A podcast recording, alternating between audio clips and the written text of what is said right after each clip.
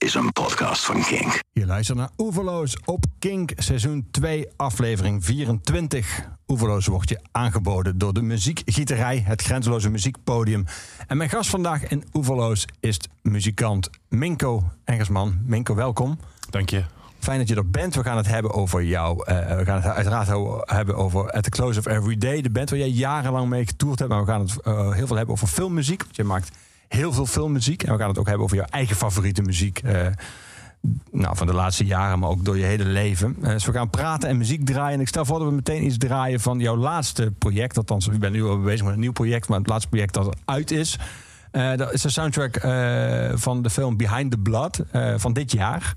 Um, zullen we eerst even luisteren naar het slotnummer van de soundtrack die jij hebt gemaakt en dan daarna praten over het project? Ja, doen we. La Mission.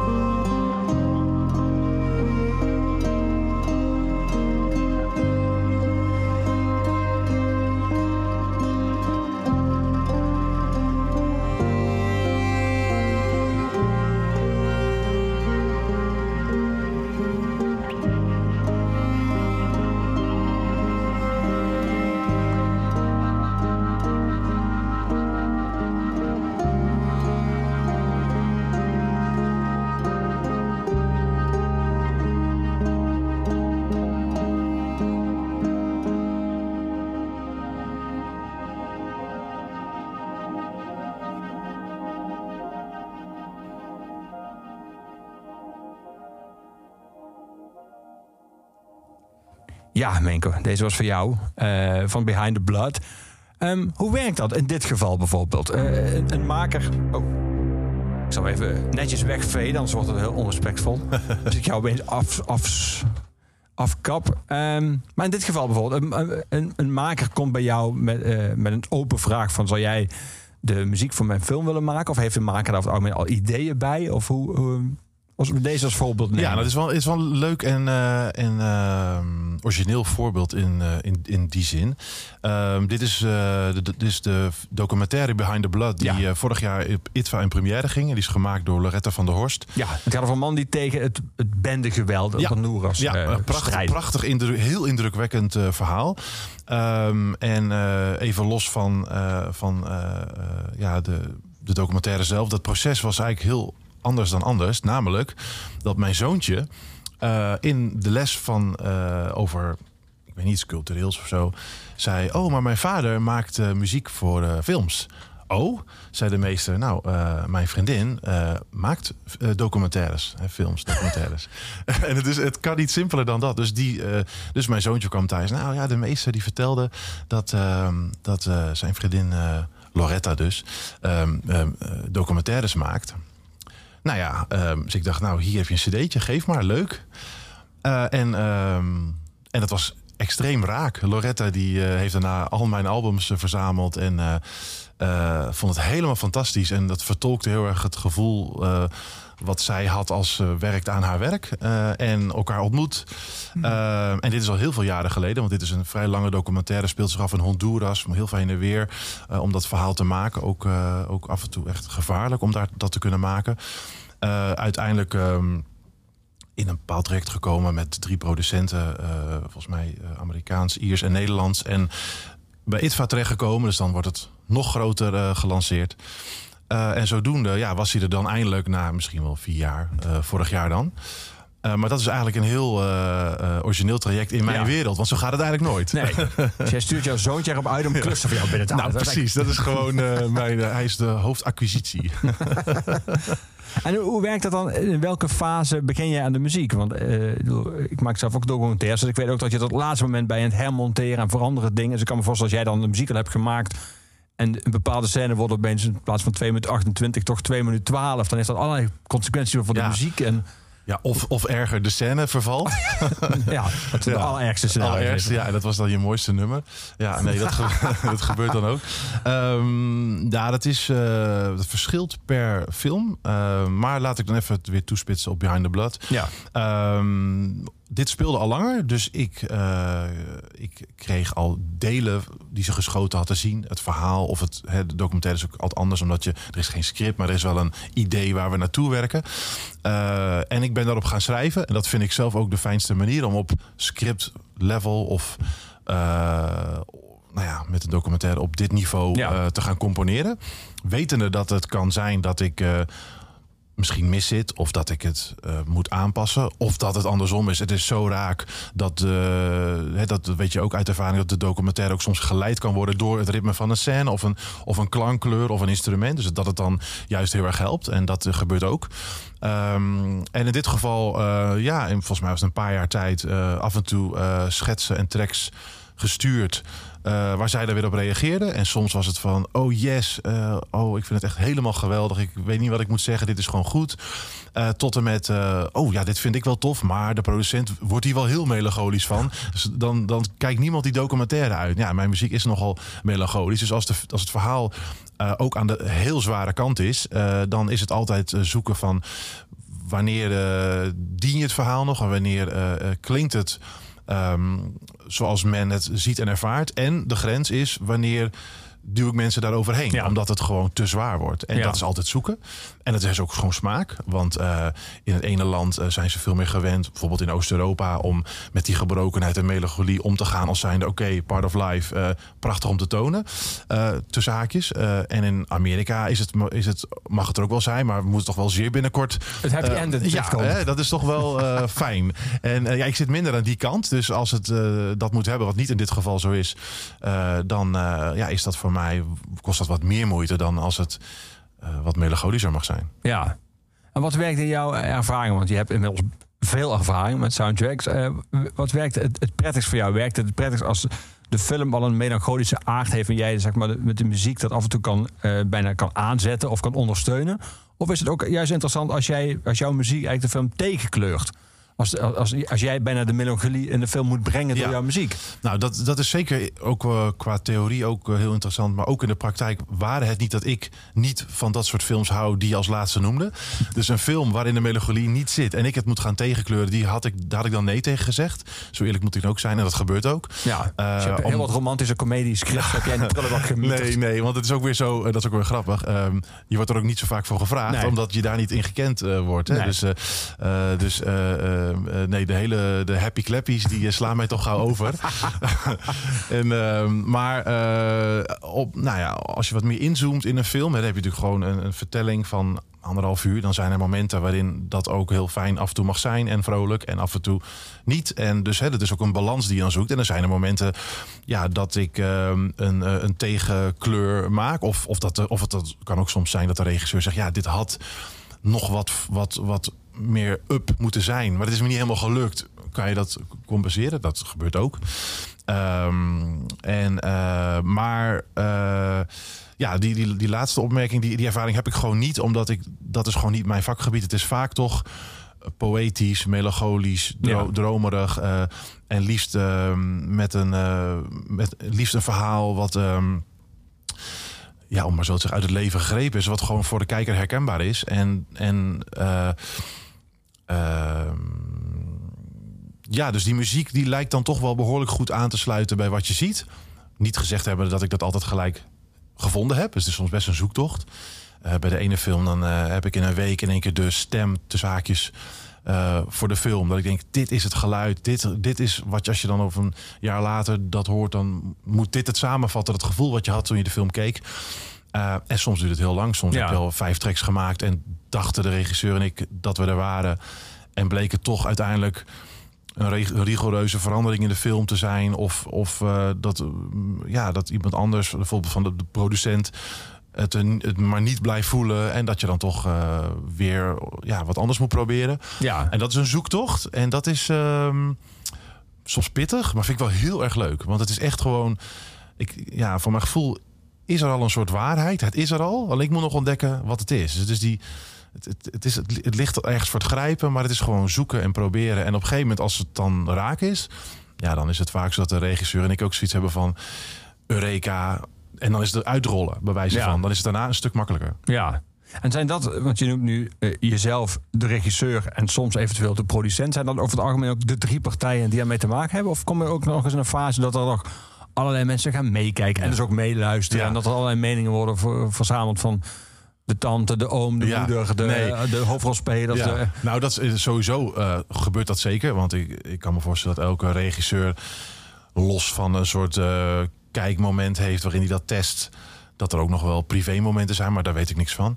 Ehm, ik heb dat zelf helemaal niet. Ik ben, ik ben gewoon alleen aan het werk en ik huur iemand in en die hoort mij aan en die interpreteert en die gaat dan weer weg en laat dan iets achter waar ik mee, mee verder ga. Dus dat is op zich vind ik heel fijn. ja. Maar die regisseur, die, eh, ja, bijvoorbeeld dat hij eh, eh, met een aantal producenten werkt. En die producenten kunnen ook allebei vanuit hun cultuur of vanuit hun. Van de films die ze normaal maken, vanuit dat blikveld kijken. En dan zeggen: ja, wij vinden het te veel dit. Of het past daardoor net niet bij ons. Of we denken dat het op dat festival daardoor niet eh, goed kan werken. Ik zeg maar wat. Dus ze hebben allerlei motieven. Eh, en die eh, komen dan wel via de regisseur Ja. bij mij terug. Ja. En, maar de, de regisseur is natuurlijk wel, ja, die heeft wel een soort filterwerking, want hij is de baas. Ja. En als de producent zou zeggen: Ik vind niks, en de regisseur vindt het te gek, ja, dan ben ik wel gewend dat de regisseur gewoon echt zijn poot stijf houdt. Of dat er een soort eh, ja, nuance aanpassing komt, maar de regisseur, eh, die echt, ja, ook echt. eh, in, in het genrewerk waar ik werk, waar toch wel vaak om, om st- stijlkeuze en toch wel wat, wat ja, misschien wat eigenzinniger. Dan is dat juist ook de kracht van die regisseur en dus de film. Dus als je dan dat allemaal gaat, eh, allemaal eh, nuances gaat aanbrengen, of inderdaad misschien wel erger grotere stukken gaat aanpassen naar wens van allerlei partijen, dan wordt dat krachtige van die regisseur wordt gewoon minder. Ja. Ehm, Ik kan me voorstellen dat als regisseur zegt van nou, ongeveer de richting die ik bedoelde, maar ik vind net iets te zwaar of net hier iets te donker. Dat, dat, daar kun je iets mee. Dat is- Zeker. Dat is helder. Ja. Daar kun je ook Ja. bij, zeg maar, Ja. bijschaven of Ja. bijsturen. Maar argumenten als ik denk dat op dat en dat festival het niet zal werken. Dat is natuurlijk Ja. echt lijkt me Ja. heel moeilijk om dat. eh, Nou, ik heb het nog nooit letterlijk zo gehoord, maar ik kan me er iets bij voorstellen dat ze misschien bijvoorbeeld al eh, iets binnen hebben van een hele grote partij. En die kijken ook wel eens mee aan het einde. Dus, de, dus sommige, als ze dan een soort deal hebben met een partij waar die uitkomt, en dat is dan heel groot. Eh, ja, die willen ook wel eerst zien wat ze krijgen. En die krijgen natuurlijk eh, iets te zien wat dan nog een soort van work in progress is. Nou, dan kan ik me niet anders voorstellen dat er dan ook wel een mening gegeven wordt. En, dat er, en wat die mensen er allemaal mee doen. En wat ik er dan van te zien of te horen krijg, dat is waarschijnlijk, eh, daar zit echt een wereld van verschil tussen. Maar nog even aanvullend op wat je net zei. Het is altijd wel interessant om nou, het, zeg maar het communiceren tussen mij en de regisseur en vice versa is op zich in zichzelf heel interessant. Omdat ik praat over mijn vak en de regisseur praat over zijn vak. En je moet dus proberen ehm, elkaar te vinden. ja. Eh, Dat is en- zijn film of haar film. Dat Ja. is jouw muziek. Ja. Maar voor hem of haar. Dus dat is wel een ja, en dan is het interessant. Ja, en dan is het fijn als een, eh, als een regisseur zegt van... ehm, hey, eh, dit eh, doet mij heel erg denken aan dat. En, eh, eh, en ik vind dat heel mooi, omdat het zo en zo. En, maar als je dat tempo nou bijvoorbeeld eh 10 bpm omhoog gooit... en je haalt het refrein eruit... en je gaat daar eh, verder met de bridge... of wat je, nou, dat zijn duidelijke dingen... En ik ben autodidact, dus aan mij heb je nog best wel een goede. Want ik, als je allemaal hele uh, zwaar muziektechnische termen komt, dan moet ik het ook soms even opzoeken. Maar als ze dan gaan zeggen van uh, ik voel hem niet.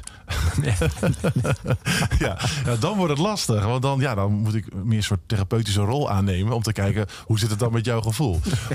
of uh, meer, meer muziek. Nou, dan, dan, dan, ja, dan het is, het is gewoon heel gekscherend. Het is misschien één keertje gebeurd, maar dan, dan ja, dat is soms ook wel grappig. Ja, harder of twee tracks. Ja, ja. 5.1, weet je wel. Ja. Elk kanaal één. Uh, nee, dat is grapje. Maar dus het is heel erg, dat is heel erg lastig. En het is ook soms grappig. Uh, maar uh, omdat natuurlijk altijd, of altijd, maar heel vaak wordt de druk wat opgevoerd. niet per se door mensen, maar gewoon door de omstandigheden van een deadline. En meerdere partijen moeten als, aan het einde hun ding doen is soms wel eens lastig als je bent moe, je hebt al heel veel gedaan, je, hebt, je communiceert al veel met elkaar en soms ook gewoon via mail. Dan kan het ook wel eens even lastig zijn. Maar ik heb wel de ervaring dat het altijd goed komt. in de zin van dat de regisseur en ik blij zijn. En ik heb ook zoiets van ja, dat is ook wel onderdeel van het vak. En het mag me ook wel wat kosten in die zin dat ik het ook ja, dat ik dat gevecht, om het even heel uh, lomp te zeggen soms, en dat, dat echt van wat bedoelen, wat zoeken we nou, wat willen we nou, daar komen ook juist de mooiste dingen uit. Dus dan, dan, dan, dan, dan ja, wordt er wel op het scherpst van de snede door beide, beide partijen gezocht naar, nou, om dan die waarheid nog maar eens te noemen, van wat moet het nou zijn? En, ja.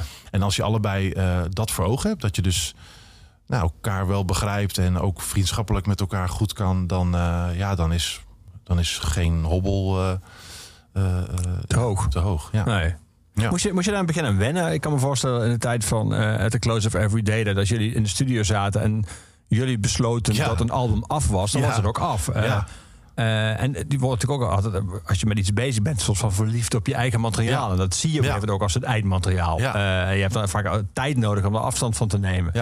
Maar als je in opdracht werkt, om het even heel plat uit te drukken, en namelijk een filmmuziek maken voor iemand anders, kan datgene dat jij beschouwt als het eind, zeg maar, uh, resultaat, kan voor die ander pas het begin zijn van waar we ongeveer instappen. Dat lijkt me een hele andere manier van je tot je werk verhouden. Uh, ja.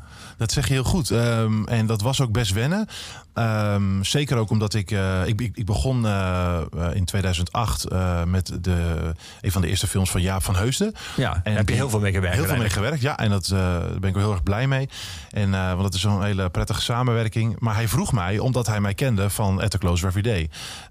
dus ik herinner me iets van... Ja, als ik bezig ben met met mijn verhalen of met de beelden, dan, dan moet ik vaak denken aan jouw muziek. En, en zou, je, zou je dat zien zitten? Nou, ik had altijd al ontzettende voorliefde voor, uh, voor, voor film. Uh, dus um, dat leek mij uh, een hele mooie uitdaging. En dan kom je inderdaad op een punt dat je denkt: hé, hey, dit is mooi, dit moet, zo moet het zijn. En dat dan soms niet eens omdat de regisseur dat zegt, maar gewoon dat je zelf ook soms merkt als je dan bijvoorbeeld even een, een, uurtje of een dag wat afstand neemt van de muziek, dat het muzikaal wel super tof is, maar dat het eigenlijk te veel is voor de scène. En uh, als, je, als ik componeer, dan, dan ben ik met een gitaar of met uh, iets anders bezig. En dan is het heel bazaal, gewoon die melodie. Er is nog heel veel ruimte voor, uh, voor dat beeld. Maar in het enthousiasme en in het opnemen van alle arrangementen, zoals ik ook gewend ben. Oh, daar kan heel mooi nog dit wel even bij. Of dat basje kan er zo dit. En dan kan een pianootje in de gal mooi. En dan wordt het heel gaaf. En dan moet, je, moet ik mezelf ook wel uh, regelmatig. Uh, bij de les houden. Door niet alleen te kijken van, oh ja, dat vind ik wel mooi passen. Maar echt even goed mezelf af te vragen, ja, werkt dit ook nog echt? Want dat is, uh, dat is toch die muziek, wat je net zegt, dat is toch die muzikant in mij die dan. Uh, dat je dan, dan, dan gaat er denk je de tijd super snel en dan uh, ideeën, pap, pap, pap, alles. Dan, ja, dat is een soort soort stroomversnelling waar ja. dat in komt. En dan dat is heel gaaf, want daar komen geweldige uh, dingen uit als je dan inspiratie hebt. Maar uh, dan moet ik daar dus soms op letten. En, uh, en dan in het, in het beste geval kom je dan weer uit die bubbel. En dan vind je zelf en die regisseur, wauw, dit werkt, dit is geweldig. Maar in het slechtste geval um, heb je dus heel veel tijd in iets gestoken waarvan je denkt dat is heel mooi. Je hebt mensen ingehuurd. Die hun best hebben gedaan. En dat er soms op een moment, maar soms zelfs helemaal aan het einde, terwijl de film echt al in mixfase is, dat ze toch zeggen ja, om hun redenen die, die vaak ook goed te begrijpen zijn. eh, we hebben toch eruit gegooid. Of we hebben toch dit element ervan uitgezet. Wat je dan zelf vaak net dan het mooiste vindt. Omdat dat heel erg sprak. Maar dat dat sprak dan te veel. Omdat Ja. hè, dat dan de aandacht eh, weghaalde. En dat is wel een beetje de- dat is het kill your darlings eh, effect. Ja, alleen soms worden de darlings door iemand anders gekild. Ja, ja, precies. En, maar, nou ja, dat is waar. Het klopt, eh, door iemand anders. Maar heel vaak, en ik, als ik goed... Ja, heel vaak, niet altijd, maar heel vaak... ehm, eh, wordt mijn begrip daarna daarvoor wel groter. Dus dan zie ik die film een paar keer, dan heb ik wat meer afstand van dat moment. En dan denk ik, ja, daar zit toch wel heel veel in. Ik, v- soms vind ik dan nog steeds eh, mijn eigen voorbeeld eh, soms beter. Ja. Maar ook heel vaak niet, omdat ik dan toch wat meer afstand heb genomen. En ook snap en ook soms het ook wel voel dat het beter is. Ehm, dus dan is, wordt het ook een beetje je eigen darling. En dan kan, je daar wel, dan kan ik daar zeker wel eh, eh, tevreden mee zijn. ja. Ehm, Ik kan me ja, voorstellen dat je af en ja. toe denkt... eh, maak die scène dan gewoon wat leger. Dat is toch Ja. wat meer voor mijn muziek. Ja, ja. nee, zeker. En, maar dat, dat, wat jij nu zegt, dat slijt met de jaren. Ik ben echt, zeg maar, met tien jaar geleden... eh, ja, 2008 is nog langer. Ben ik steeds meer, eh, voel ik me steeds prettiger in de rol van echt het dienen van het verhaal. Dus echt, wat willen we vertellen en wat is daar nog van mijn kant voor nodig? Ehm, in plaats van, eh, en dat is natuurlijk nog steeds zo, maar een puur een te gekke track maken. Want ik, binnen dan wat ik nu doe, vind ik het nog steeds te gek. En ik vind het alleen maar toffer worden. Alleen wel steeds meer ehm, ja, binnen de rol, binnen de dienende rol. Ja, Ja, ja, dat ja. wel. Laten we even nog iets verder teruggaan in de tijd. Laten we teruggaan naar eh, 2005. Naar het, eh het The Close of Everyday album De Geluiden van Waleer. Daar ja. ga ik een nummer van draaien. Het Hellend Vlak. En wat is, wat is jouw herinnering aan deze tijd? En überhaupt aan, eh aan At The Close of Everyday? Dat nu officieel nog bestaat, maar een soort van stil ligt. Ja. Wat is jouw overheersende... Als we het over de band hebben, wat, welke beelden komen dan het eerste bij jou Ja, binnen? ehm, nou, ik, ik, toevallig eh postte Mijn de Talma net een, oude, een oud interview eh, op Facebook in Trouw. Met eh, André Manuel, Mijn de Talma en ik en... Nou, was nog iemand. Misschien was het wel Erik van Spinvis, ik weet niet. Maar en dat was in een bepaalde tijd waarin ehm, een aantal artiesten met de Nederlandse taal en alternatieve muziek, of tussen haakjes, eh, aan de haal gingen, ze denk ik. En eh, dat, dat is, spreekt, me, spreekt mij aan, of dat komt mij nu zo voor ogen, omdat het. eh, ehm, dat was volgens mij aan het ei in Amsterdam. En daar woonde ik toen niet. En nu woon ik wel in Amsterdam-Noord. Dus dat is nu een heel normaal beeld. En Ja. dat kreeg ik in één keer zo voor. dacht hey, dat is waar ik nu ben. Maar waar ik toen helemaal niet was eigenlijk. Dus dat vond ik heel grappig. Eh, verder... ehm, ehm, ja, verder de, wat, wat nu dan in veel nieuws is hè, door corona... dat artiesten niet... eh, eh, kunnen optreden. Ehm, dan moet ik wel eens denken aan, aan de toffe tijden dat we gewoon eh, met Six and Horsepower of Woven Hand of Karate door Europa toerden. En dat we gewoon de ene avond in de Bataclan in Parijs en de volgende avond in, in Burns in Stockholm. En dat niks was te gek. En je ging in die bus en je voelde je zo vrij als een vogel. En je speelde voor duizenden mensen en het was heerlijk. Het was gewoon vrij. En dat is helemaal weg. En dat eh, heb ik ja, nog wel met een paar andere bands een klein beetje gedaan. Met Close wel het meest, denk ik. Sowieso is nu, nu nog de Bataclan nog een zaal... waar natuurlijk inmiddels Ja. een hele vreselijke geschiedenis Nou, aan bedoel kleeft. ik. eh. Ja, dus het is heel. eh, en ik heb eigenlijk, ik was toen best wel jong, dus het was ja relatief jong, maar dat is al was al best wel. eh, ehm, ja, dus eigenlijk relaxed en, en gezellig en tof. En nou, het ging allemaal wel heel, heel goed. Ja. En we hadden Leek toen eigenlijk heel vanzelfspannend allemaal. Ja, wat we hadden- helemaal niet meer is. Nee, we hadden de VPRO mee. Weet je, we speelden altijd eh, drie voor twaalf. We konden altijd terecht. eh ehm, album van het jaar, eh, drie voor twaalf award. Ik bedoel ik, ja, een album van het jaar. Eh, allerlei eh, geweldige recensies. Dus het kon niet op. Eh speelde veel in België. Dat was wel, dat herinner ik me ook nu weer. Dat eigenlijk, ik had het idee had dat ze ons in België beter begrepen dan hier. Eh, terwijl we uiteindelijk hier eh, ja, heel veel eh, mooie dingen hebben meegemaakt. Ehm, en het was met Axel Kabort, met wie ik toen ja, dagelijks eh, bijna optrok of wekelijks. En die ik nu heel weinig meer spreek. Eh, we appen wel eens en, eh, als, en dan is het alsof we gewoon nog gisteren muziek maakten. En die plaat die we jaar geleden nog maakten, Darkness Travels Light, dat was ook weer als van oud. Dus dat is toch een soort taal die, die we blijven spreken, ook al liggen onze dagelijkse levens verder uit elkaar. Allebei kinderen, getrouwd, Ja. gezin. Maar als je samenkomt, val je weer in diezelfde groep. Ja, dus dat is wel grappig dat ondanks dat ik er dus... Ja, we hebben het er nu over, maar ja, hoe vaak denk ik daar nou aan? Nou, heel weinig. Maar als dat daar dan is, dan eh, kan ik gelijk weer aanhaken op wat, wat, wat we toen deden. En ehm, ja, een soort eh adolescenten muziek eh, die helemaal uitgekleed was. En het was ook in een periode dat ik ook wel produceerde en heel erg bezig was met... eh, dat is wel leuk om te vertellen. Veel produceerde en bezig was met sounds. En een, een- je maakt een band komt bij je, mij als pro- producer dan... en dan willen we een, sound, een, een plaat... en dan wil je hè, dat dat klopt. En ik produceerde toen eh, Falling on Deaf Ears. Dat is het debuutalbum van Dispute van Mes van Axel. Dat was zijn band. En eh, ik had helemaal niet zoiets van... oh, met the Close of dat, dat was helemaal niks zelfs nog. Maar ik had wel liedjes die over mijn jeugd gingen... en over het verlies van mijn moeder. Best wel heftige materie. Waar ik, die ik gewoon voor mezelf eh, opschreef. Eh, en Axel, die, die... Ik speelde eens een keer voor Axel. En die zei, joh, maar dit... hier moet je echt wat mee doen. Want het is, het is echt wel... Het is echt nou, wel bijzonder. Of ik weet niet wat hij zei. Ik ben helemaal geen zanger. En ik dacht, ja, doei. Ehm, en eh, nou, uiteindelijk toch een EP opgenomen. ehm, eh, bij Martijn Groeneveld. eh, die ook nog steeds bezig is.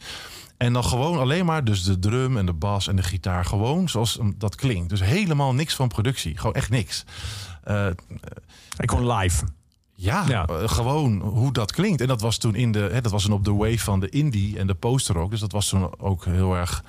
hè, Dat, dat begon allemaal op te komen van.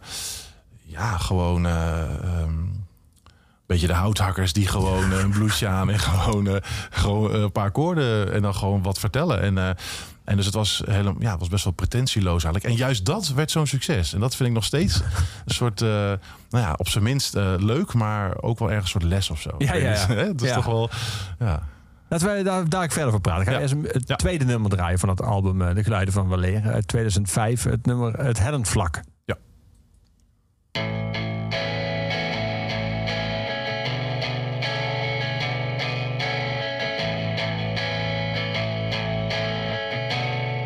Je bent te ver van huis.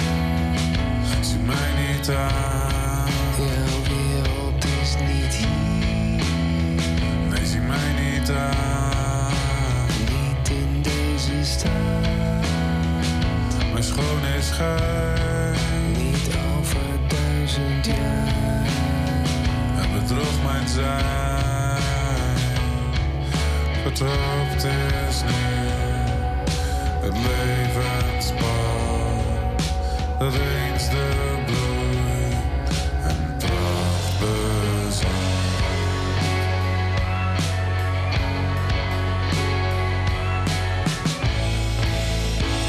Reken mij niet aan, Ze rekent jou niet aan. Nee, reken mij niet aan. Jouw arbeid is gedaan. Ik heb de arbeid verrast Ze weet toch hoe het is. en de lui betrapt. De paden grond in mijn hart al op. Wat mijn geest bemind, is wat mijn vlees ontbindt.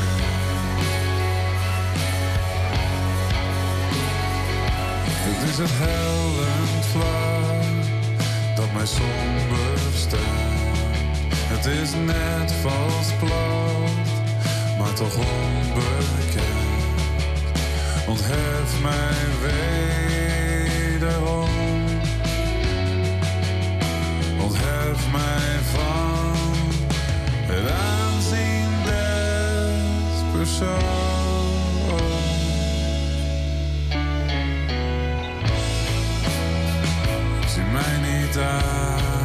Aan, Ze weet niet wat je wil. mij niet aan. Ze droomt soms dat je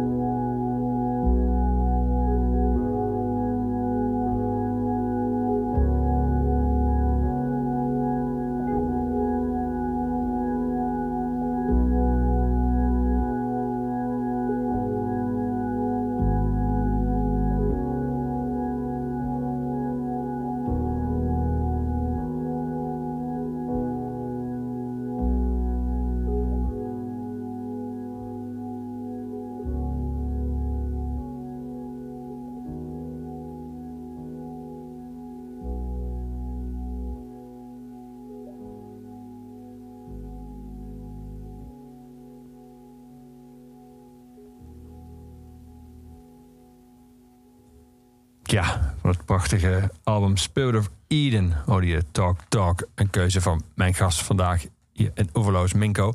Minko, voor mij ligt een eh, prachtig vormgegeven en uitgegeven boek. eh The Spirit of Talk Talk, waarin eh, heel veel verschillende artiesten vertellen over hun, hoe, hoe Talk Talk ze beïnvloed heeft. Wat voor enorme rol de muziek van Talk Talk in hun leven heeft gespeeld. Hoe ze muzikaal beïnvloed zijn en gevormd zijn zelfs door Talk Talk. Er staan echt enorm grote namen in. Van, eh, van Steve Hogarth, van Marillion tot Robert Plant tot eh, nou, eh, staan, Simon Parker. En daarmee staat hier Menko Eggersman. Ja, Wat cool. Dat je in dat boek, tussen al die... Het boek is bijna een Hall of Fame zelf. Ja, en dan volgt Talk Talk met opgenomen. precies. Ja, dat is echt eh artiesten als Sigur Coldplay. Het is Ja. allemaal super beïnvloed door hun. Maar je, hoort, je leest ook stukken van Bonnie Iver, die Mode. Het is, Ja, het is echt, eh, ja, het is gewoon... die zin wel te mooi om waar te zijn. ja, en ook hele eh, verschillende artiesten. In de zin van dat ze zelf hele andere verschillende muziek maken. Dus kennelijk is die invloed van Talk Talk eh, heel breed ook. Ja, zeker. Ja, en die, in die tijd eh, dat zij zo van grote invloed werden... dus met de Spirit of Eden en later Laughingstock... Ja. Ehm, dat is ook de tijd waar de meeste mensen het over hebben als het gaat om heel erg geïnspireerd te raken. Omdat zij gewoon met deze plaat gewoon een tijdloos geluid hebben neergezet. Wat, eh, waar eh, posterrock eh, ergens wat vandaan heeft gehaald. Misschien ook wel ACM-achtige, Ja. Scandi, Scandi jazz. Synthpop, echt alles. ja, precies. En, en, en, en, ehm, maar ook Sigur, Sigur Ros, wat weer een eigen genre is. Of Ja. zo, ja, ik weet niet hoe ik het Eigen taal noemen. zelfs. Ja, eigen taal. En ja, dat is echt. ik vind nog steeds echt weergaloze muziek. En, en, eh, en ehm, ook qua klank. Hè, dus dat is ook wel interessant, omdat het gewoon heel eh, open klinkt. Ontzettend mooi opgenomen. Heel. eh, Heel organisch. Het is natuurlijk ook natuurlijk het contraststuk wat ze daarvoor deden helpt ook mee. Maar het is ook echt. eh, het staat nog steeds als een huis. Ook Ja. gewoon technisch. Dat is ook wel bijzonder voor een muziek die in de jaren tachtig vooral is uitgebracht. Ja, ja, klinkt over het algemeen heel gedateerd. Precies. En dat is precies wat, wat, dus, wat ja, deze plaats zo bijzonder maakt. Zij wilden echt wat anders. En zijn toen ook met andere mensen gaan werken. En, ehm, en, en wie onder andere belangrijk voor dit geluid is, is, eh, is Phil Brown. En dat is een engineer die, ehm, ja, die eh, ook met Bowie en Eno heeft gewerkt. En wat ik zelf heel tof vind, is dat wij met dat Uniphony project, waar misschien straks nog wat van gaan horen, Zeker. Ehm, ook met Phil Brown hebben gewerkt. En eh, dan merk je ook door, door hoe hij werkt... dat dat echt van invloed is geweest op, op de muziek van Talk Talk. Ehm, maar het is meer dan dat. Het is de, het is de melancholie, het is de... Het is de, de, het ruimte nemen om een nummer eh, ja, te laten groeien. Dus de nummers zijn vaak ook wat langer. En, eh, ja, en ze komen uit een tijd waarin het toch eh, hè, radio ehm, waren. Hè, dus die, die eerste albums waar ze heel bekend om waren. En dan moet tegenwoordig helemaal in de radiowereld moeten binnen zoveel seconden moet dit gebeuren. In zoveel seconden moet dat gebeuren, want anders haakt de luisteraar af. Ja, zij deden dat, zij deden dat allemaal precies niet. En ook tot groot verdriet van hun platenmaatschappij, die, eh, ehm, die dus een plaat gekregen waar ze heel lang over gedaan hadden. Met eh, heel veel gesloten ramen en drugs en weet ik veel wat. En heel veel proberen. En eh, een plaat waarvan ze dachten, hoe moeten we dit nou verkopen? Eh, dit is totaal niet verkoopbaar, want dit gaat niemand draaien. Ehm, en uiteindelijk eh, heeft dat ook in, in, in de contractenwereld van de plaatmaatschappij ook wat opgeleverd. Dat er dus wat zinnen bij zijn gekomen over dat binnen alle redelijkheid je iets moet aanleveren wat eh, enigszins verkoopbaar is. En grappig genoeg is dit dus de plaat waar wij het nog steeds over hebben. Want niet alleen wij tweeën, maar dit in mijn netwerk, maar ook ver buiten mijn netwerk, is het gewoon een, een classic. Ja. En, dat is, en hoewel die platen ervoor ook eh, op zichzelf ook leuk waren, maar het is deze plaat eh, die dus ook voor die platenmaatschappij eh, uiteindelijk, eh, ja, die hun dus ook geen windeieren heeft gelegd. ja. Terwijl dus aanvankelijk dachten dat dit dus zeg maar de commerciële zelfmoord was.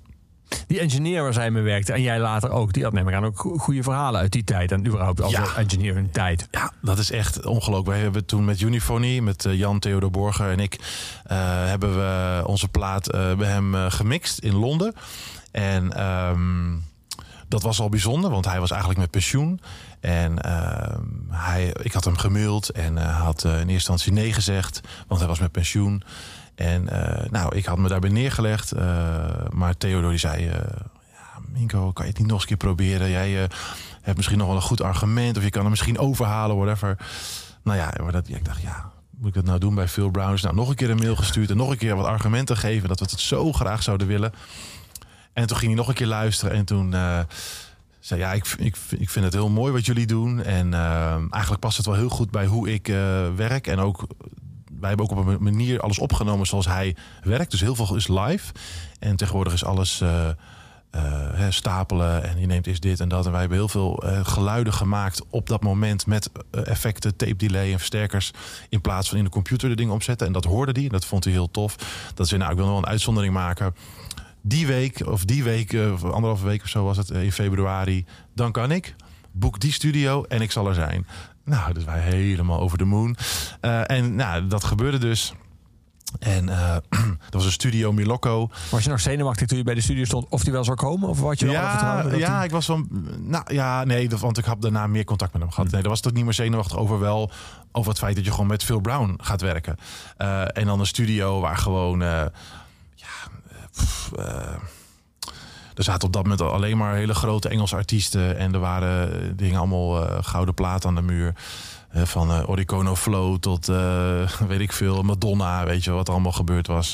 De Streets hadden daar gezeten. Ook te gek. Ehm, ehm, en ja, dus nou, en tijdens het mixen eh, heb je ook wat wachtmomenten als het dan een bounce, eh, als er een bounce gemaakt wordt, waarin je zegt, nou, dit is het, en dan gaat het eh, op de eindtape. Maar ook tijdens het mixen was het gewoon continu. Eh, oh, by the way, toen ik met Robert Plant en eh, oh ja, en eh, Kan je ieder geval zeggen, Robert Plant heb ik nog een boek meegeschreven. ja, precies. Ja, nee, ja, nee dat, we hebben, daar staat hij zelf ook in, dus hij wist dat al. Maar nee, ja, de, die verhalen echt niet normaal. Het was echt alsof ik in een soort snoepwinkel was. En, en ja, eh, van, van alle grote artiesten waar hij mee gewerkt heeft, eh, had hij geweldige verhalen. Eén is wel leuk om te vertellen, denk ik. Dat was het verhaal ehm, eh, van het nummer I Shot the Sheriff van Bob Marley, wat hij, aan, wat hij eh, opnam in het begin van zijn carrière. Hij, was, hij begon als een soort van. ja, hulpje bij Jimi Hendrix. Ja. En nou, op een gegeven moment kon hij dus zelf dingen gaan opnemen. Dat, en toen was hij dus bezig met I Shot the Sheriff van Bob Marley. En ehm, zij hadden net die, die track opgenomen. Wat ja, later dus eh, een van zijn grootste hits eh, werd. En toen ging Bob Marley met die jongens ging, eh, even naar buiten. Even blowen, denk ik, of zo. Dat zit wel dik in, ja. Denk ik. En Phil zou nog even een, eh, eh, een, mix, mix dingetje doen of een bounce maar weet ik veel wat. een editje of zo. En ehm, er werd toen in die tijd heel veel drugs gebruikt in studio's, maar mm, nog interessanter gerookt. En dat is eigenlijk heel gek, want er staan allemaal tape machines en apparaten die daar helemaal heel slecht op gaan. Ja. Dus dat is ook gewoon een soort van ja, geldverkwanseling heb ik jou daar. Want je moet veel sneller alles vervangen. Maar goed, dat werd dus gedaan. Dus hij zat gewoon met een dikke joint in zijn mond. Zat hij dus gewoon die edit te doen van... eh, van dat, van dat nummer. En in een eh, onbewaakt ogenblik valt er gewoon een enorme dot as eh, valt gewoon op de tape. En vroeger namen ze alles op tape op. Dus die muziek die staat daarop. En er is niet een soort van backup ergens of zo in je computer. Dat was het gewoon. En... ehm, en dat stukje drums, dat eh, wat was dat eigenlijk, een drumstuk, dat, dat smolt gewoon weg. Dus dat, hè, dat was er niet meer. En die jongens waren buiten. Nou, en hij vertelde dat hij helemaal in paniek raakte. Van oké, dit was mijn eerste grote klus. En dat blijft er waarschijnlijk bij. eh, want dat gaan ze me nooit vergeven. En ehm, toen eh, herinnerde hij zich dat hij bij het inspelen of bij het goed zetten van de mics voor de nieuwe dag. Even dubbelchecken dat ze een jam hadden gedaan. Waarvan hij dacht dat het hetzelfde BPM, dus het tempo van het nummer was als I Shot the Sheriff. En dat was ook zo. Dus als een gek heeft hij dus die eh, tapes verwisseld. Of die tape verwisseld. eh, die andere oefentape erop gezet. Gezocht naar die drumbreak. eh, ehm, die eruit geknipt. Die andere tape er weer op. Dat stuk eruit geknipt. eh, dat stukje los erin gezet. Wat een andere break was. Eh, maar eh, uiteindelijk kwamen ze dus terug. Dus Bob Marley komt terug van... eh, ja man, eh, laat, even, laat even dat nummer horen. Hoe is het nou geworden? En hij echt zo met een stalen gezicht... eh, die versie afspelen met een totaal andere break. Maar die wel qua tempo klopte. En ja, en hij zei ook nog... Ja, misschien dat, eh, dat hun pauze met enige, enige drugs eh, geholpen heeft. Maar dat is dus... ehm, niet ontdekt door hun. En nog sterker, ehm, hij vertelde dat hij jaren later, echt zeg maar in de recente geschiedenis, weet ik veel jaren terug, dat hij s'avonds laat gebeld werd. En hij zei, eh, eh, diegene zei niet wie die was. What the fuck, Phil? What did you do? En hij wist precies waar het over ging. Wat was namelijk het geval bij, eh, ik denk EMI was het volgens mij, EMI. eh, gingen ze die oude masters opnieuw eh, remasteren voor de boxen die wij allemaal kopen als, als trouwe muziekfans. En toen kwam ook die eh I Shot the Sheriff tape. En er zit gewoon een knip in de mastertape. En dat, dat is heel ongebruikelijk. En dus veel is gelijk wat het was. En toen zeiden ze ook van ja, we, hebben, we hebben je ontdekt. maar ja, het is geschiedenis geworden, dus laat maar. Ook een goed idee dat je jarenlang hoopt dat niemand ooit is achterkomt. en dan- en dan decennia later. ja. What the fuck. ja. Dat eh eh Unifony-project eh, waar je een paar keer naar refereert, dat, dat, dat, daar werkt dus ook met hem voor samen. Dat is een project van jou en Theodor Borgen waar jullie met heel veel gastmuzikanten Ja. werken. Ehm, en dus ook, zoals je net vertelde, heel veel live doen in de studio. Ja. Eh, je hebt ooit in een, in, een, in een interview volgens mij gezegd dat jullie dat het idee is dat jullie eh, het, het, het eenvoud, het- van het eenvoud van het experiment herontdekken en ook alle gebaande, geba- gebaande paden verlaten. Eh, hoe werkt dat dan concreet? Hebben jullie eigenlijk nog geen idee als jullie de studio ingaan? Of hebben jullie dat wel, maar hebben jullie nog niet bedacht hoe je dat dan vervolgens gaat opnemen? Of hoe, hoe moet Ja, je dat voorstellen? Nou, het is nog, ja, het is, volgens mij is het eh, beide. Als ik nu zo terugkijk, de afgelopen vijf jaar zijn we dat nu aan het doen. Ehm, eh, ik, kwam, ik kwam uit een periode waarin ik eh, ook als producer actief was. En dus heel vaak tot achter de komma nadenk over hoe iets moet klinken. wat gaan we opnemen, welke nummers. Dan zijn de arrangementen al helemaal duidelijk. En dan gaan we dat daarna echt doen. En soms is dat stapelen, soms live. Dat, dat verschilt. Maar het is wel heel duidelijk wat er gebeuren gaat. Eh, en, eh, en Theodor kwam uit een eh, periode. Hij had al een studio, maar hij wilde eigenlijk als, als engineer nou ja, een soort van stapje terug doen en eigenlijk weer gaan componeren en zelf muziek maken. Want dat was eigenlijk steeds minder geworden naarmate hij meer met mij werkte. Ik heb mijn solo-albums met hem opgenomen, of in ieder geval de, de Hemden en Reservoirs. En ehm, ehm, want ik heb daarvoor de Wagon Fair gedaan. En dat is met Martijn Groeneveld.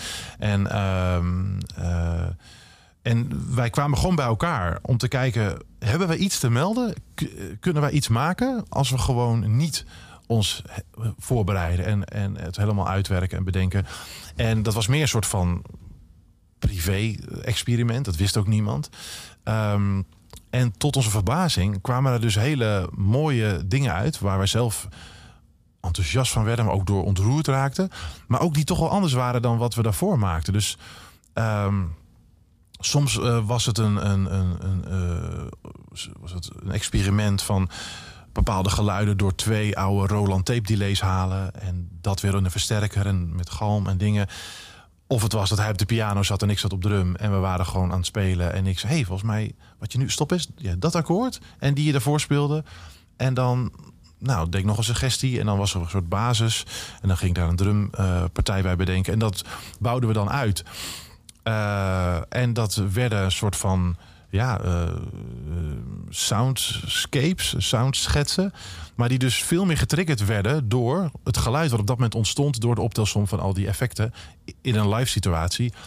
Als dat we dat vooraf hadden bedacht op akkoord, op notenniveau en daar later een sound bij zoeken.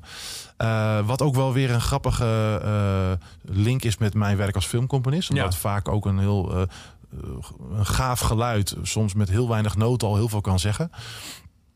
En, en toen leek het ons heel tof om ook daar weer de stap in te nemen. Om ook mensen gaan, of muzikanten uit te nodigen. om daar weer op te reageren. Dus ook om dat, om dat stukje eh, eh, ook uit onze comfortzone te halen. Door hè, bijvoorbeeld je zegt ik ga alles bedenken. En wil jij het even inspelen. Want jij speelt beter cello of saxofoon dan ik. Nee, gewoon eh, die muziek aanbieden. Wel een, wel een schrijven erbij van hè, nou, waar gaat het over en wat, wat willen we ermee. En dat, eh, dat, dat, dat liep heel erg goed. We hebben de eerste plaat met Matthias Eik gedaan. Nou, die is gewoon een hele geweldig goede trompetist. Zit op ACM Records. Bij terug op Noordzee Jazz, veel in het concertgebouw. En eh, ja, dat, was een, dat, dat klopte. Nou, die plaat ehm, is eh, een paar jaar geleden uitgekomen. Hebben we geweldige recensies op gehad. Ehm, en eh, inmiddels komt de tweede 14 augustus uit. Dat is met Aaron Parks op piano. Die is bekend van ook ACM, maar ook Blue Note Records. En een saxofonist die wij geweldig vinden. Een oude rot, Oscar Goodjohnson. En ehm, eh, die eh, dan als lead eh, instrumenten piano dus en sax heeft. En, ehm, en zo is Unifony, want zo heet het eigenlijk een soort project Eh, waarin we dus een, soort projectserie. Waarin we dus elk, bij elk album een nieuwe gast uitnodigen. En dan eh, daarmee eh, op zoek gaan naar nieuwe muziek. Ja. Laten we nummer draaien met die Oscar. Spreek ik Gudjitsson? Spreek ik het zo goed uit? Ja, ja. En dan naar de Streets, want die refereerde naar, naar, naar, naar, van dezelfde engineer. Eh, maar eerst Abide.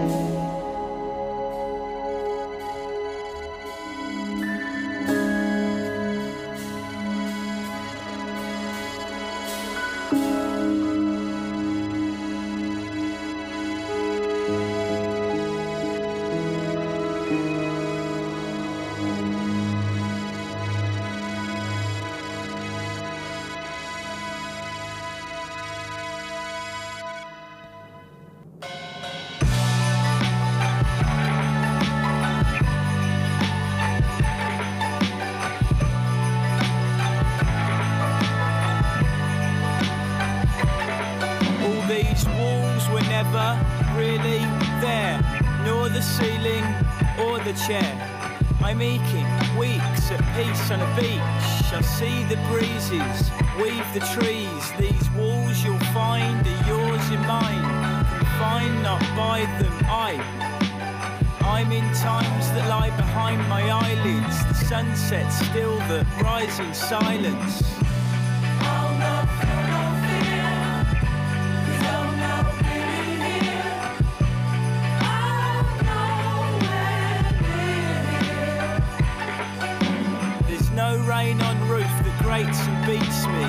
Favourite tree breaking light to pieces, sprinkling sharded light on me. Throw a stone as hard you can, and hearing with hand, not hear it land. Nothing taxing, dusting sand. My window and world spins and twirls. The walls then fall. I recall the saw. White clouds, whitewash, faded, spotless. The weighty shadows, ranges of rocks. Cold is all illusion thought up. A stroll on shore, snooze and explore. All possibilities in each new morning till satisfied reaching out and yawning. Fish in a big dish, rice and spice. Salt over shoulder, never salted so tight.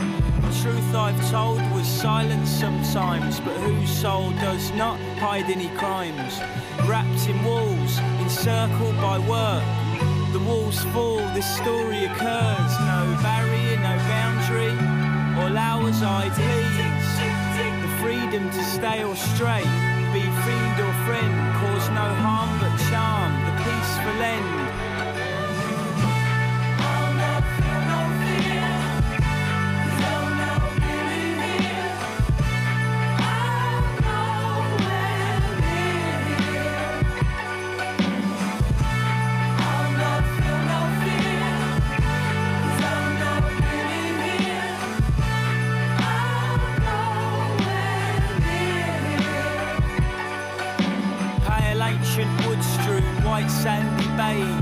Ugly room pales away today. I'm swimming in the ocean. I sink slow motion. Fingers, toes floating. Every year till yesterday. The scene, the eternal setting sea. I compare all this to me. Little fleeting momentary me. I blink my eyes. This is reminding me life flies in the blink of an eye. The old die for reasons, new tides, forward seasons. New life born is like sneezing. All these walls were really never there, nor the ceiling or the chair. I'm aching, weeks at peace on a beach. I see the breezes, weave the trees. I'm not here at all, you're dearly fooled. I see bushel and trees, the shush of the sea, the mischievous, fluttering seagulls. No, I'm not trapped in a box, I'm glancing at rocks. I'm dancing off docks since this dance began.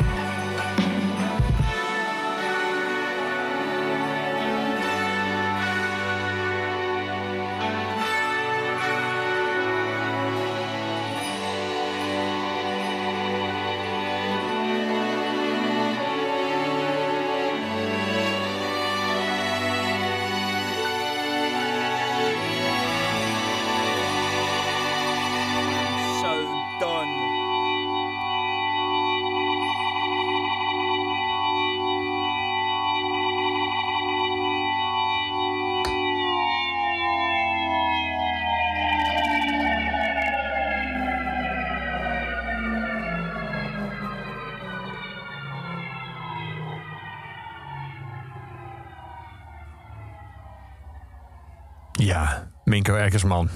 Je hoorde de streets. Waarom deze? Ja, eh, het is inderdaad totaal wat anders dan wat we tot nu toe hebben geluisterd. Maar ik, eh, ik, vind, eh, ja, ik vind het gewoon een geweldige poëet.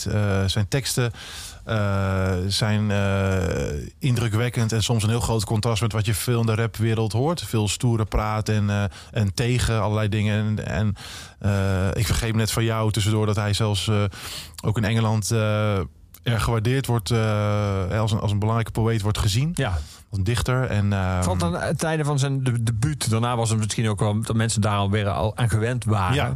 Maar dit wordt vrij vaak eh, ge- gedraaid in dit programma, The Street. Maar eh, bijna altijd van die eerste plaat. Of soms van die tweede. Oh, Jij- jij, kiest voor wat later album. Ja, nee, ik, Ja. Dus ik vind die, ik vind qua albums, eh, denk ik als geheel de eerste en tweede denk ik tofst. Ik vind dit gewoon een heel gaaf nummer op Ja. een of andere manier. Toffe sound, die Hammond, die aan het einde zo. Hè, dus dat is ook wel weer, weer een link naar mijn eh, muziek, mijn, mijn klankkleuren. Eh, dus het is, eh, het is eigenzinnig, fris. eh, ik vind het accent geweldig. Eh, mijn, mijn, mijn vrouw geeft Engels en die eh, gebruikt regelmatig tracks van hem om gewoon om de taal te analyseren. Prachtige Engelse uitspraken. Dat spreekt natuurlijk veel meer aan dan de zoveelste quote van Shakespeare. Ja. Of, of, of een stukje uit Hamlet, whatever. Ja. dus ja, dat vind ik gewoon gaaf. De streets. Dus ja, zodoende. ja. We gaan meteen muziek, nog meer muziek draaien. We gaan naar King's X luisteren. Dat is een hele bijzondere Ja. band die op eh, ja, een soort kruising zit van eh hardrock, soms zelfs metal, maar ook hele Beatleske en poppy. er zit ook echt wel soul in. Hoe, is deze band bijvoorbeeld op jouw pad gekomen? Ja, dit is eigenlijk ehm, denk ik een beetje een soort uitloper van mijn rock en metal periode in mijn jeugd. Dus ik begon met, eh, met bandjes van mijn oom. Dat was Doe Maar en eh, Het Goede Doel. En dat ging toen heel snel... eh, Leende jij die of nam hij nee, zo'n verzamelbandje ja, ja, dat was heel lief. Want ik heb echt ik heb dingen echt meegekregen die, waar ik eigenlijk te jong voor was. Dus ik draaide al op Je draaide Nederwiet en heroïne, godverdomme al. eh. ja, bij wijze van, ja. Maar inderdaad, eh, ja, ik misschien was ik negen of zo of acht. Oké, ja, dus dat was, ik was eigenlijk net erna. Dus toen ik Ja. een beetje wakker werd, was Doe maar net gestopt, zeg maar. En er waren al die meisjes allemaal flauw gevallen. En, en ik, ik, kreeg dan nog de speltjes en zo. En het ging is natuurlijk dat Doe maar ook ten onder ging in het feit dat hun fans eigenlijk te jong waren. Verschrikkelijk. was jij dan eigenlijk ook een voorbeeld van. Ja, nee, ik kwam daar dan niet, want ik was nog gewoon heel braaf in Zeist, gewoon met een bandje op mijn kamer. Maar ja, klopt, dat is ook wel een bizar verhaal trouwens. Dat ze gewoon ja, zichzelf niet konden verstaan. En ook vanwege de veiligheid eh, van de meisjes het moesten stoppen. Dat is natuurlijk gewoon... Ja, maar ook wel mooi dat zij dan jaren later, met als decennia later, opnieuw bij elkaar kwamen. Ja. Toen tien keer aan een hooi speelden. En daar de was ik wel mensen- Ja, die eigenlijk toen de leeftijd hadden Ja. die hun fans destijds hadden moeten hebben. Precies dat. Ja, daar was ik wel bij. Prachtig. En we hebben ook met At the Close Every Day eh, Bang gecoverd. Op diezelfde platen, de geluiden van Weleer. Ehm, en ik vind qua teksten vind ik het altijd een van de beste eh, ja, eh, bands eh, die we hebben gehad. Zeker. Eh, echt iets eh, waar we echt wel trots op kunnen zijn. Ja. Ehm, Maar laten we even jou, jouw pad ja, ja, dus dan werd het, nou, dat was het Doe, maar. Een, uh, goede Eh, doel. Goede doel. eh, een liedje van Circus Custers nog erbij, kan ik nog herinneren. Eh, en dan werd het op een gegeven moment, ja, er was in één keer de Final Countdown op de radio. Maar wacht eens even, dit eh, is echt stoer. Dus nou, toen werd het eh, dat. En eh, dan in een kielzog heb je dan natuurlijk eh, Toto en eh, ehm, van die wat meer muzikantenmuziek, zoals het later eh, genoemd werd. Ehm Seventh One is nog steeds echt een classic. Ja. Ehm, maar dat werd op een gegeven moment harder. Zoals heel veel eh, gasten die uiteindelijk in de metal terechtkomen. Dat wordt ook een stapje harder. Het stopte bij mij wel echt bij trash en black. En dat, dat, want dan miste ik gewoon eh, toch wel harmonieën. Maar ook schoonheid in, in klankkleur. Want dan werd, werd steeds, ging steeds meer stuk, zeg maar. En ja, dus werd het, het ging gewoon op een gegeven moment heel snel naar Maiden, Iron Maiden. Nou, dat had ik echt. Ik heb, de, ik heb recent ook nog een, eh, een Instagram post gedaan met een oude poster die ik tegenkwam van de drummer eh, Nico MC Brian of zoiets. En nou, dat was gewoon, dat hing boven mijn bed. En dat was echt mijn grote uh, drumidool. Want ik ben begonnen als drummer. En, dan, en in welke tijd begon je om vanzelf te drummen? Uh, nou, ik, ja, uh, tot mijn ergernis van mijn ouders uh, op potten en pannen. En toen was, ik, was ik echt nog jong. Misschien, weet ik veel, 8, 9, 10 of zo. Okay. Zoiets. En toen heel snel op drumles gegaan. Um, en uh, toen. Maar die drumles veranderde dan neem ik aan ook. Die even helemaal van doe maar aan het goede doen. Nou, richting dat is interessant wat je zegt. Want uh, ik had dus drumles. En uh, nou, ik heb net al genoemd, ik ben autodidact. En ja. ik zoek het allemaal liever zelf uit. En totdat de leraar na een bepaalde periode zei van... Ja, Minko, er is binnenkort examen. Eh, je hebt toch wel door dat je dat niet gaat halen, hè? oh, eh, want het was zo dat we, ja, dan moesten we oefenen. Ik deed dat dan niet, want ik zat thuis alleen maar op de, op de Final Countdown en de Seventh One van Toto, eh, die plaat mee te drummen. Die kon ik wel goed, maar die rappa, die, pa, die paradiddles, toepa, toe, toepa, toe, papa, dat kon ik allemaal niet zo goed. Maar jij deed En- Pamela en Home of the Brave. ja, en, ja, oh, ja, heerlijk. Home of the Brave. Eh, volgens mij gaat hij toen pff, toen pff, zoiets of zo. Ja, ik weet echt, het zit helemaal in mijn geheugen eh, gegrift. Eh, Het, het mocht je toen het examen niet doen? Of? nee, nou ja, dat had geen zin, want ik ging het niet halen. Hij zei wat hij zei. Dat is echt, nou ja, daar ben ik hem uiteindelijk wel dankbaar voor. Volgens mij ben jij iemand voor in bands. Want hij zat helemaal meer in van, eh, van varen. En ik moest ook, een, ik moest ook, eh, ook nog een oefenles doen. Of eh, met dan zo'n fanfare in een of andere, een of andere kerkje. Waar ze dan allemaal oefenden voor de soort harmonie. Nou, ik ging echt eh, huilend daarheen. En mijn vader die vond het ook heel terug. Zei van, nou ja, joh, ga er dan toch maar af. En toen ging ik gewoon thuis gewoon. Had ik gewoon zo'n grote stereo. En dan ging ik gewoon met die bands meedrummen. En ik heb dus gewoon altijd ook heel erg genoten van weer het, het ja, hoe moet ik het zeggen, dienen van een liedje. Gewoon dus spelen wat er nodig is om dat nummer te laten werken. In plaats van allemaal hele knappe dingen doen. Natuurlijk eh, eh, is natuurlijk eh, ehm, Toto geweldig qua spel om dat nog maar eens aan te halen. Maar het ging me echt om het liedje. Ja. En dat is echt door mijn hele carrière wel eh, overeind gebleven. Dat, het, ja, dat, dat, dat verhaal, het liedje, dat is waar het om gaat. Nou goed, en dat ging dan verder. En op een gegeven moment werd het harder. En op een gegeven moment Ook ook, nog- sneller. Sneller. En dan naar Metallica gaat. ja. Metallica. Ik was dan wel van de Black Album, vond ik dan weer toffer. Ook alweer afwijkend. eh waar iedereen altijd die... eh brrrta, brrrta, was ik meer van die melancholie, de zwarte plaat, weet je wel. Ehm, eh, en, eh, maar, eh, maar ook even een progfase gehad, weet je wel. De eerste twee platen van eh, Theater, weet je, dat vond ik ook wel tof. Maar op een gegeven moment dacht ik, ja, dat is het allemaal niet. En toen dan blijft toch dat liedje over. En dus ik kwam op een gegeven moment ehm, via via in aanraking met King's X. Toen dacht ik, wauw. Dit is gewoon mooie muziek. En ook nog stoer en hard. Want ja, dan ben je, ben je hoe oud ben je? 16, 17. Dan moet wel, je, dat stoer is belangrijk. Je- Dat, dat, dat was een soort van afzetten of zo. En eh, dat, dat kan ik me nu helemaal niet meer voorstellen. Maar dat was gewoon toen heel belangrijk. Dat het gewoon gaaf was. En, en dat je er een shirt van kon kopen. En dat het zwart was. En dat het, nou. eh, en ja, King's X, dat was gewoon bijna Beatlesk als het gaat om eh, hun liedjes en harmonieën. Eh, simpel, dus gewoon drum, bas, gitaar, zang. Nou, dat is ook later eh, belangrijk gebleken eh, in mijn carrière. Gewoon heel simpel, maar wel gewoon ontzettend krachtig liedje met een goede sound, goed gemixt. Met, en, en de kwaliteit straalde daar gewoon heel erg vanaf. Ten opzichte van heel veel bands die ook allemaal stoer waren en weet ik veel wat. Maar dan in de kern eigenlijk gewoon niet zo heel goed waren. Maar die wel met heel veel ontploffende vuurwerk dingen, weet ik veel wat. De, kon je er als 15-jarige bij dat podium wel intrappen. Maar ja, op een gegeven moment ont- ontwikkel je jezelf. En ik wilde ook echt muziek maken. En ik ging muziek maken en ik werd producer. Dus je luistert heel anders naar dingen. Ja, en als een nummer als Goldilocks van King Sex. eh, dat is, vind ik echt nog steeds, ook nu, nog steeds echt te gek. Ja, dan gaan we die draaien. Ja. Hier is King's X met Out of, eh, Out of the Silent Planet uit 1988. Daar komt het nummer van.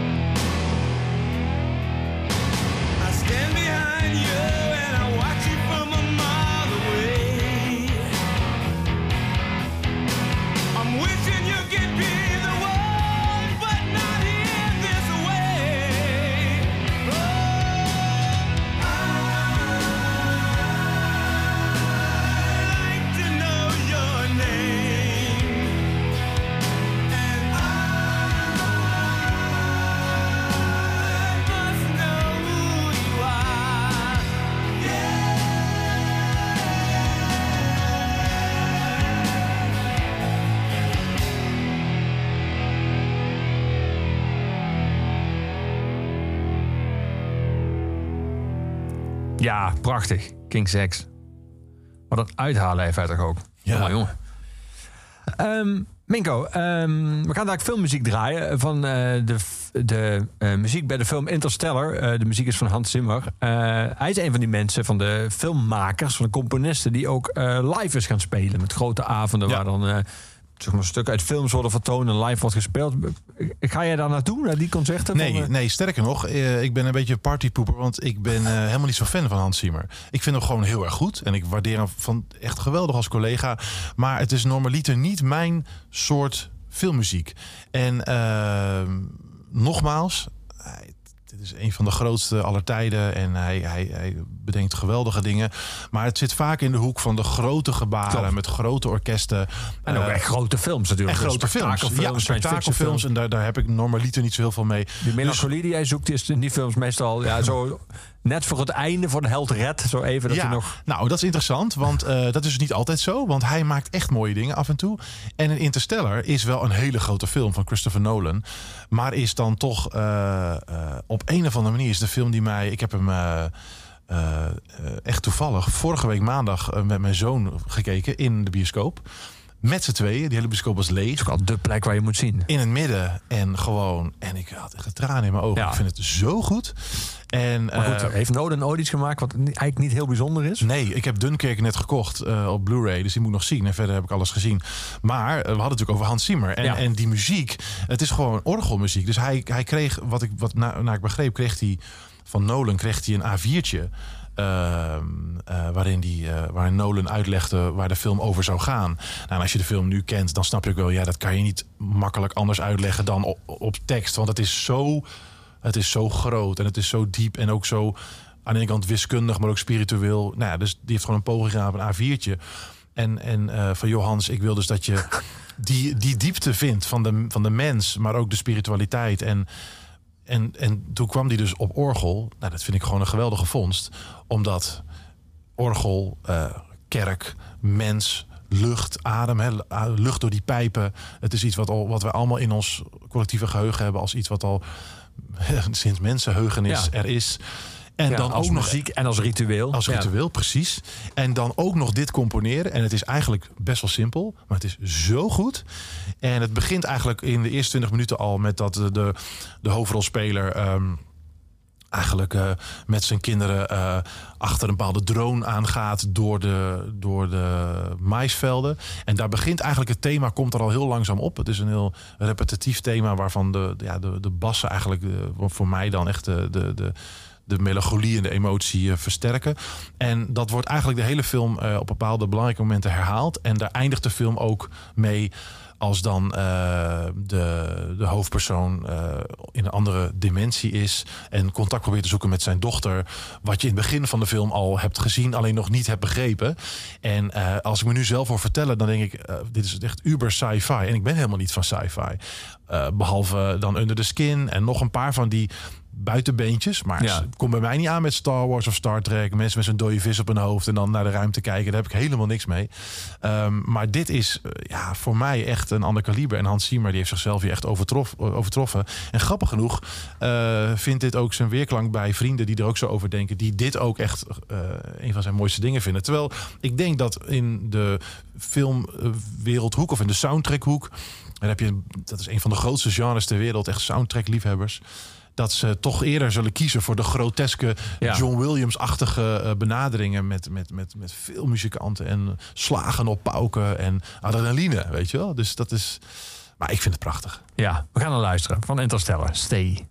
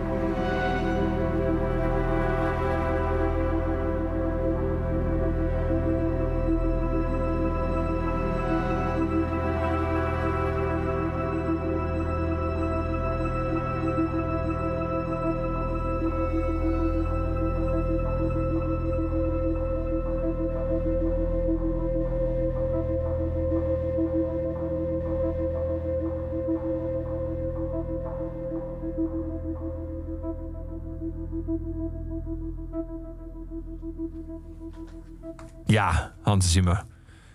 Van Interstellar, die jij zag in een lege bioscoop samen met je zoon. Dat is alweer een van de weinige voordelen van deze tijd. Dat je Ja. nog de sensatie kan meemaken van een volledig bioscoopzaal. Helemaal voor jezelf. Ja, je kan gewoon wat zeggen tegen elkaar. Gewoon hardop. Niemand last van. dit, dit is een heel mooie scène. Hier moet je opletten.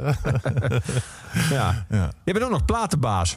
Ja, ja wel, wel echt on the side, zo gezegd. Dus voor, voor Cora, dat is gewoon eh, een soort van... eh, ja, een boutique eh, label waarin we gewoon twee releases per jaar ongeveer doen. Van eh, eh, echt hele mooie artiesten die echt gewoon prachtige muziek maken. Maar ehm, dat heeft op dat moment wel mijn volledige aandacht. Maar de rest van het jaar zeer beperkt. Ja. Ja. Is dat ook het idee? Want je hebt natuurlijk zeg maar in, in, in wel indie als een punk, als een hardcore en allerlei sublabel, subgenres. Heb je natuurlijk heel vaak het, het verschijnsel gehad dat, dat, dat, dat je sommige platenmaatschappijen zo'n unieke signatuur hebben dat je eigenlijk blind alles kan kopen wat op zo'n label verschijnt. Eigenlijk het label al een soort kwaliteitskleurmerk keurmerk op zichzelf is. Is dat wat jou voor ogen stond? Dat voor koren dat je een soort van, een soort van volkoren publiek eh, hebt? Nou, ehm, tot op zekere hoogte wel. Eh, eh, ehm, ik vind het mooi als het coherent is en als mensen een bepaalde kwaliteit verwachten en dat dat dan ook klopt of inhoudt. En ehm, eh, dat eh, hebben we ook gemerkt dat het mensen dus die zijn die dat blind kopen. Ehm, dus het zit altijd ergens tussen singer-songwriter, Americana en ehm, misschien soundtracks ergens daartussenin. Ja. Dus dan zit ook soms een, een post-rock of een, of een mm, eh, modern klassiek cello met, met wat, wat, wat drone-achtige dingen. Een IJslandse artiest die ja, wel, ja, wat meer eigenzinnige muziek maakt. En altijd, het is altijd, er zijn altijd kleine releases, dus eh, wel met mooie recensies en met mooi artwork en een- soms een, een, een trailer of whatever. Maar dat zijn eh, niet de artiesten die nou de wereld plat toeren, zeg maar. Dus Nee. sommigen doen het er echt bij. Sommigen zijn fulltime artiest.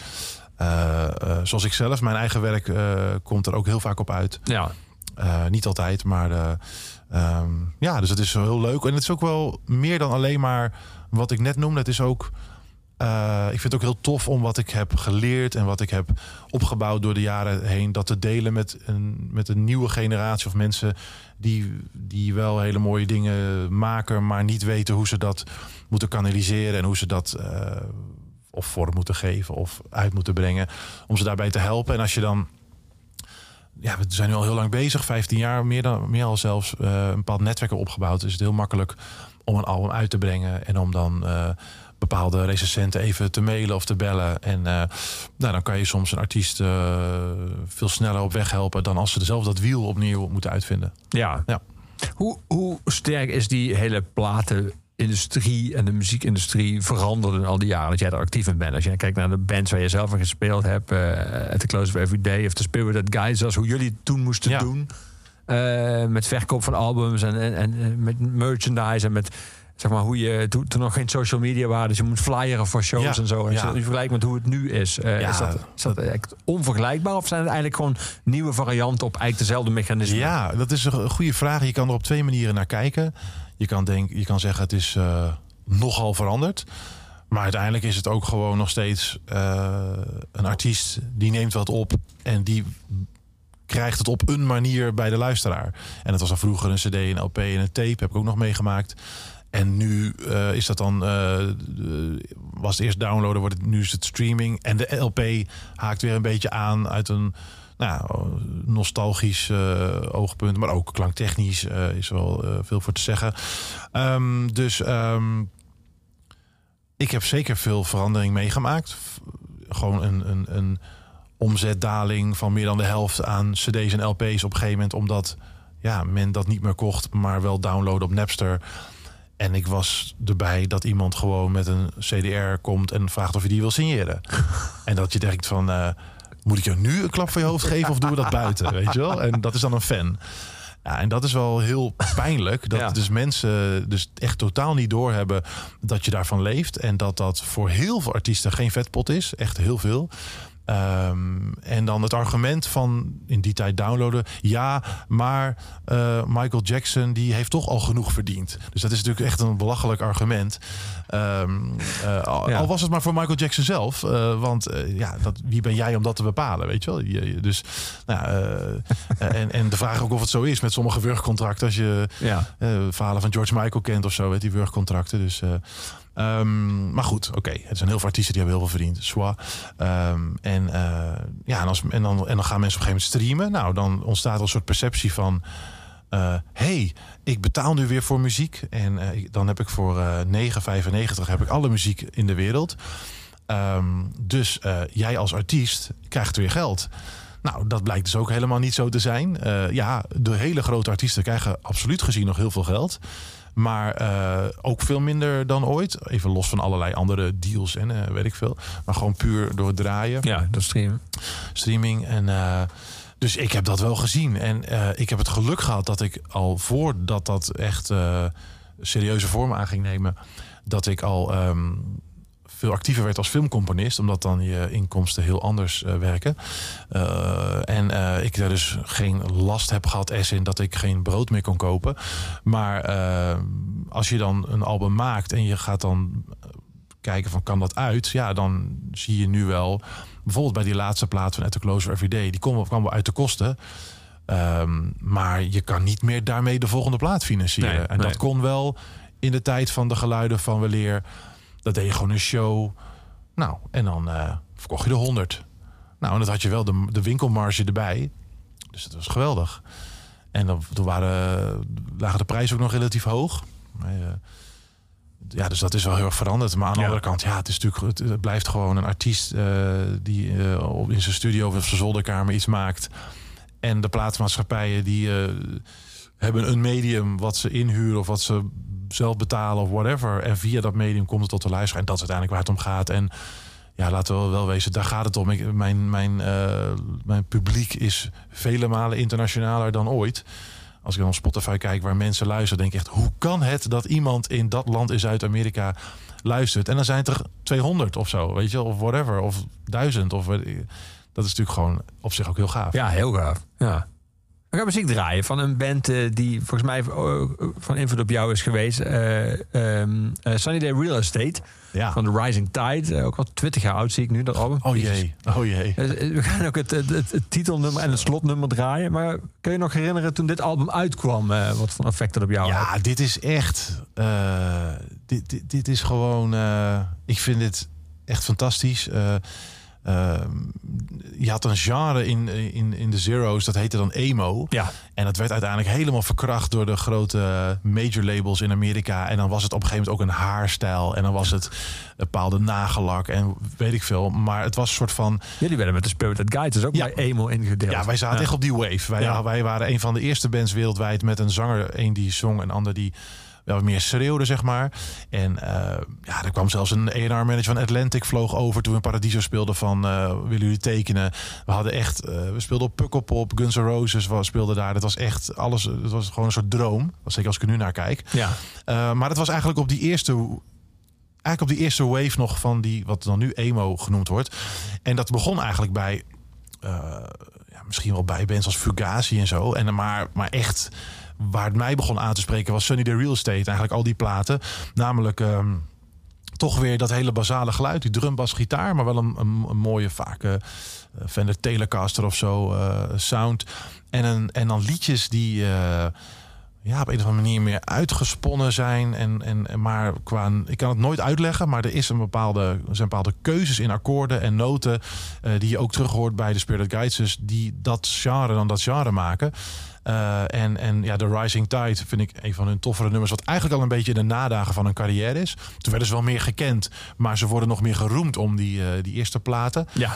Eh, omdat dat echt grondleggers waren van dat genre. Ja, en later eh, kreeg je giga grote bands die gewoon eh, stadions vol verkochten. Die dan ook dat maakten. Maar dat werd zo commercieel dat ik zelf al lang afgehaakt was. En dit soort platen en nog een paar uit dat genre... die kan ik nog steeds echt met plezier draaien. En dan krijg ik ook weer het gevoel wat ik toen had. Want het is ook een beetje een soort soort adolescentenmuziek van een soort van de metal hebben we gehad. De alle grote gebaren zijn wel een beetje de nuance is wel in je leven, maar eh, maar toch eh, wil je het af en toe nog uitschreeuwen of Ja, zo, ja. of heb je Ja. een bepaalde hoop, of wil je toch met je vuist omhoog nog gaan voor iets? Ja. Eh, ja, je, je zegt gelijk al, ja, je herkent het. En, en in mijn vrienden, iedereen herkent dat. Ja, bij mij was dat deze muziek. En mijn vader zal dat gedaan hebben bij een bepaald protestsong van Bob Dylan of zo, weet je wel. Ja, nou ja, dat is prima. Ja. Voor mij was het Sunny the Real Estate. Ja, eerst The Rising Tide.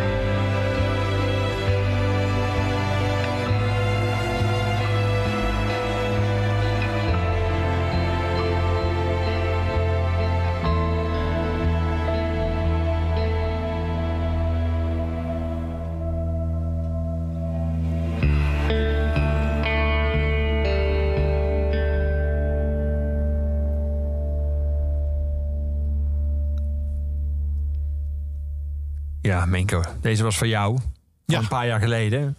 Wat zijn je herinneringen hieraan, aan dit album? Ja, dit is eh, het album Kafkasia. Een van de albums waar ik eh, nog steeds ontzettend blij mee ben. Dit is een eh, reactie eigenlijk op een reis naar Georgië in 2014. Ehm, en een onverwachte reis en waar ik ontdekte eigenlijk dat, dat ik me heel erg thuis voelde daar. De, de, de melancholie, de, de prachtige natuur, de mensen, maar ook, ook de invloeden van Rusland. En tegelijkertijd tijd ook de weerstand tegen Rusland. Dat vond ik ook inspirerend. En, eh, en daarboven eh, zijn we in de Caucasus geweest. Op zo'n bergje dan, dan kom je daar eh, vrij moeilijk begaand pad. met een nog best wel gevaarlijk af en toe, maar dan kom je daar boven en dan kijk je uit. Op top van de bergen sta je bij een klooster en er zijn gewoon drie mannen in het zwart met grote baarden. En die zijn hartstikke jong. Je veel, soms een was jonger dan ik toen.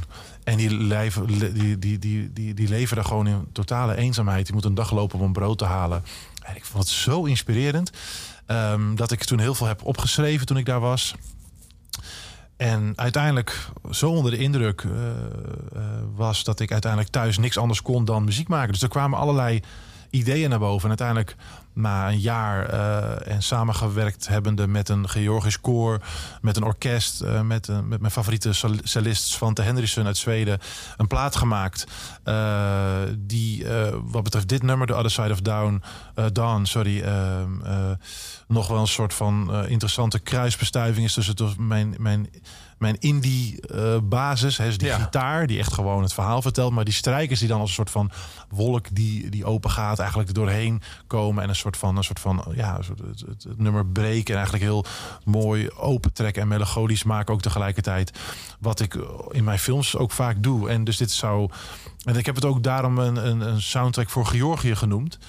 Kafkasia, wat eh Caucasus betekent. Eh, Ja. Ehm, eh, terwijl het eigenlijk helemaal geen film is. Maar het is wel een, en, grappig genoeg. ehm, heeft deze film mij, deze, deze soundtrack, soundtrack me heel veel opgeleverd. Een veelzeggende verspreking. Ja, ik, ik, ik kreeg zelfs een berichtje van mijn favoriete filmcomponist Ryuichi Sakamoto, die hem prachtig vond. En uiteindelijk zijn er heel veel films of filmmakers die hierop gereageerd hebben. En eh, mij dan bijvoorbeeld ingehuurd hebben om muziek te maken voor een film dat ze dit zo sprekend vonden. Dus voor mij is het een heel bijzondere plaat. Ja, dat is wel bijzonder. Dat je soundtrack bij een film die geen film is, namelijk Nee. een land, uiteindelijk veel muziek heeft opgeleverd voor films die wel films zijn. terwijl dat totaal niet in mijn hoofd zat. Het was gewoon, ik kon niet, dat is mijn taal. Dus ik kon niet anders dan wat, wat, wat, wat maken. En wat ik nog bijzonderer vind eigenlijk, dat er heel veel Georgiërs zijn. Eh, die, toch een land met ook heel veel eh, moeilijke geschiedenis. eh, willen al heel lang bij de Europese Unie horen. Moeilijk. Turkije, Rusland, door de Ottomanen bezet. Heel veel oorlog, heel veel ellende. Zelfs weer vrij recent nog. en die dus ja, ook heel veel moeten vechten voor dingen. En dat ik van zoveel Georgiërs terugkreeg hoe ze bijzonder ze het vonden dat iemand uit het Westen eh, dan zo'n ode aan hun geeft. En eh, toen ik hem uiteindelijk mocht ik hem op de nationale feestdag eh, bij de ambassade op een groot banket mocht ik hem aanbieden aan de ambassadeur. En dat was wel heel erg. ja, Cool. vond ik wel heel tof. Ja, Ja. dat was natuurlijk helemaal verder. Ja, van die betekent verder niet heel. Maar voor mij was het wel, ja, ik had daar wel mijn ziel en zaligheid in gestoken. En ik voelde echt daar wat bij. En nog steeds heeft, heeft Georg echt een bijzonder plekje in mijn hart. Dus eh, vandaar. Ja, tof. Dankjewel, eh Minko, dat je er was Ja, vandaag vond in Oeverloos. Eh, het laatste woord van iedere Oeverloos, eh, die overigens wordt aangeboden door de muziekgieterij. Het Grensloze Muziekpodium is altijd aan Luc de Vos, onze postuum huisdichter. Dus deze Oeverloos sluit ik af met Gorky van het album Research and Development. De laatste studioalbum dat Gorky heeft gemaakt met het prachtige Iedereen plukt de dag.